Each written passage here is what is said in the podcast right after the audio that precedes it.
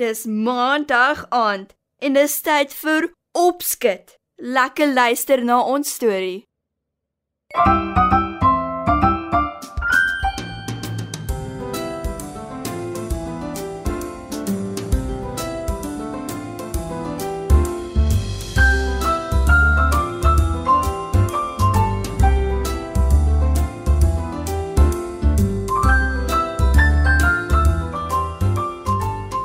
Goeienaand maats. In vanaand se storie Kitty die kraai, vertel ek julle hoe belangrik dit is om nie ander na te boots nie. Kitty die kraai bly saam met haar familie en vriende in 'n groot boom in 'n bos naby 'n plaashuis. Hulle is 'n gelukkige klomp en gesels heeldag land en sand. Almal behalwe Kitty. Sy sit die meeste van die tyd eenkant en alleen op 'n tak en staar voor haar uit. Haar tant Esme sien dit en wonder. Wat is dit tog met die arme Kitty? Hoekom lyk sy altyd so ongelukkig?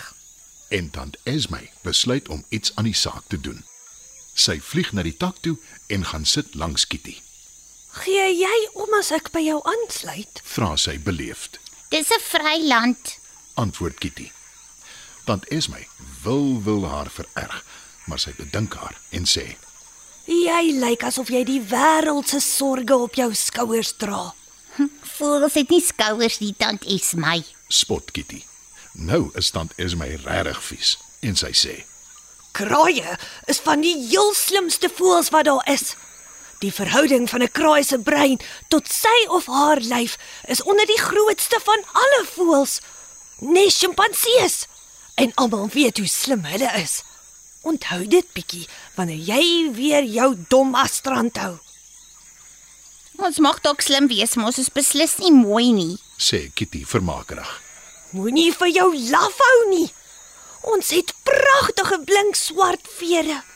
En wanneer ons ons stertvere uitsprei, lyk dit soos 'n waaier. Plus, ons het sterk reguit snavels en groot oë. Raas tant Esme vies. Kitty antwoord nie. Sy vlieg net weg in die rigting van die plaashuis. Op die stoep sit daar 'n jong meisie. Sy het 'n oop boek op haar skoot en staar aandagtig daarna. Kitty gaan sit 'n end weg van haar af op 'n lae muur en hou die meisie dop. Die meisie volg die woorde in die boek met haar vinger en lees hardop. In die somer skyn die son helder. In die somer skyn die son helder. Herhaal Kitty die meisie se woorde.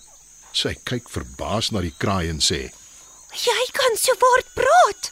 Natuurlik kan ek praat. "Antwoord Kitty." En ek is baie slimmer as jou hond. sê die kraai. Ek glo dit nie. Wanneer ek vir wagter 'n stok gooi, gaan haal hy dit. Kan jy dit doen? sê die meisie.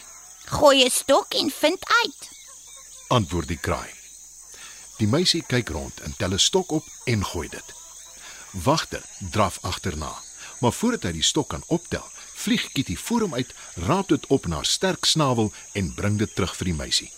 Die meisie kyk verwonderd na die kraai en sê: Wil jy my nuwe speelmaat wees? Ek sal my pappa vra om vir jou hok te kry en alles. Kitty skud haar vlerke en sê: Voels hoort nie in hokke nie. Hulle is vry en vlieg hoog in die lug. Jy hoef nie die hele tyd in jou hok te bly nie. pleit die meisie. Maar Kitty stuur haar nie daaraan nie. Sy klap haar vlerke en vlieg weg. Die meisie kyk hartseer agterna en roep: Jy het my nooit eers gesê wat jou naam is nie. Kitty, roep die kraai en gaan soek 'n boom om in te sit.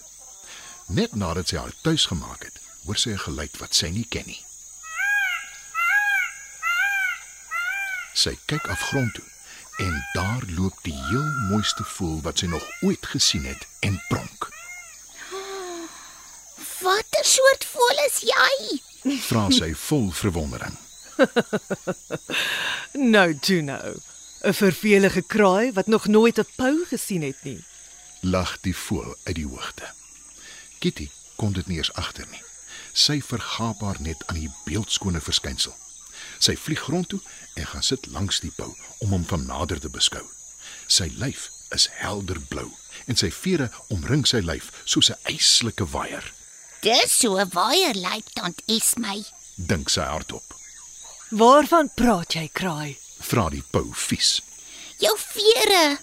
Dit dit lyk soos 'n towerwaier. Dis so lank en daar's kolle op wat amper soos oë lyk. Pragtige groen en blou oë.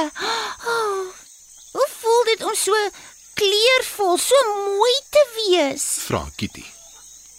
Ek kan seker sê jy raak dit gewoond. Lag die pou. Toe voeg hy by. Maar nie regtig nie. Om elke dag bewonder te word, bly maar net verfrissend. Toe draf hy weg om by sy pouvriende aan te sluit. Kitty kyk om haar rond. Op die grond sien sy oral van die pou se allermooiste vere wat uitgeval het. Sy tel die vere op en steek hulle oral tussen haar eie vere in. Sy loop op en af en pronk. Toe sê sy: Van nou af is ek 'n pou, 'n pragtige pou, nie meer 'n vervelige ou kraai nie. Sy draf weg om by die poue aan te sluit. Toe hulle haar sien, bars hulle uit van die lag.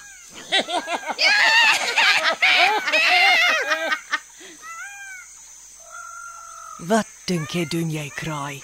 sê die pou. Uh, ek het van jou vere opgetel en tussen myne ingesteek en nou lyk ek ook soos julle, soos 'n pou. Antwoord Kitty hoopvol. Al die poue lag haar uit. Jy lyk soos 'n belaglike desperate kraai. Maak dat jy wegkom. sê die pou. Kitty loop hartseer terug na waar die ander kraaie bly. Sy's te bang om te vlieg want dalk val die pouvere uit. Sy hoop dat sy haar familie en vriende sal beïndruk met haar nuwe voorkoms. Maar sy is verkeerd. Hulle lag haar ook uit. Kitty skud en skud haar lyf totdat al die pouvere uitval en oral op die grond gestrooi lê. Toe vlieg sy tot hoog in 'n boom wat eenkant staan en gaan sit op 'n tak.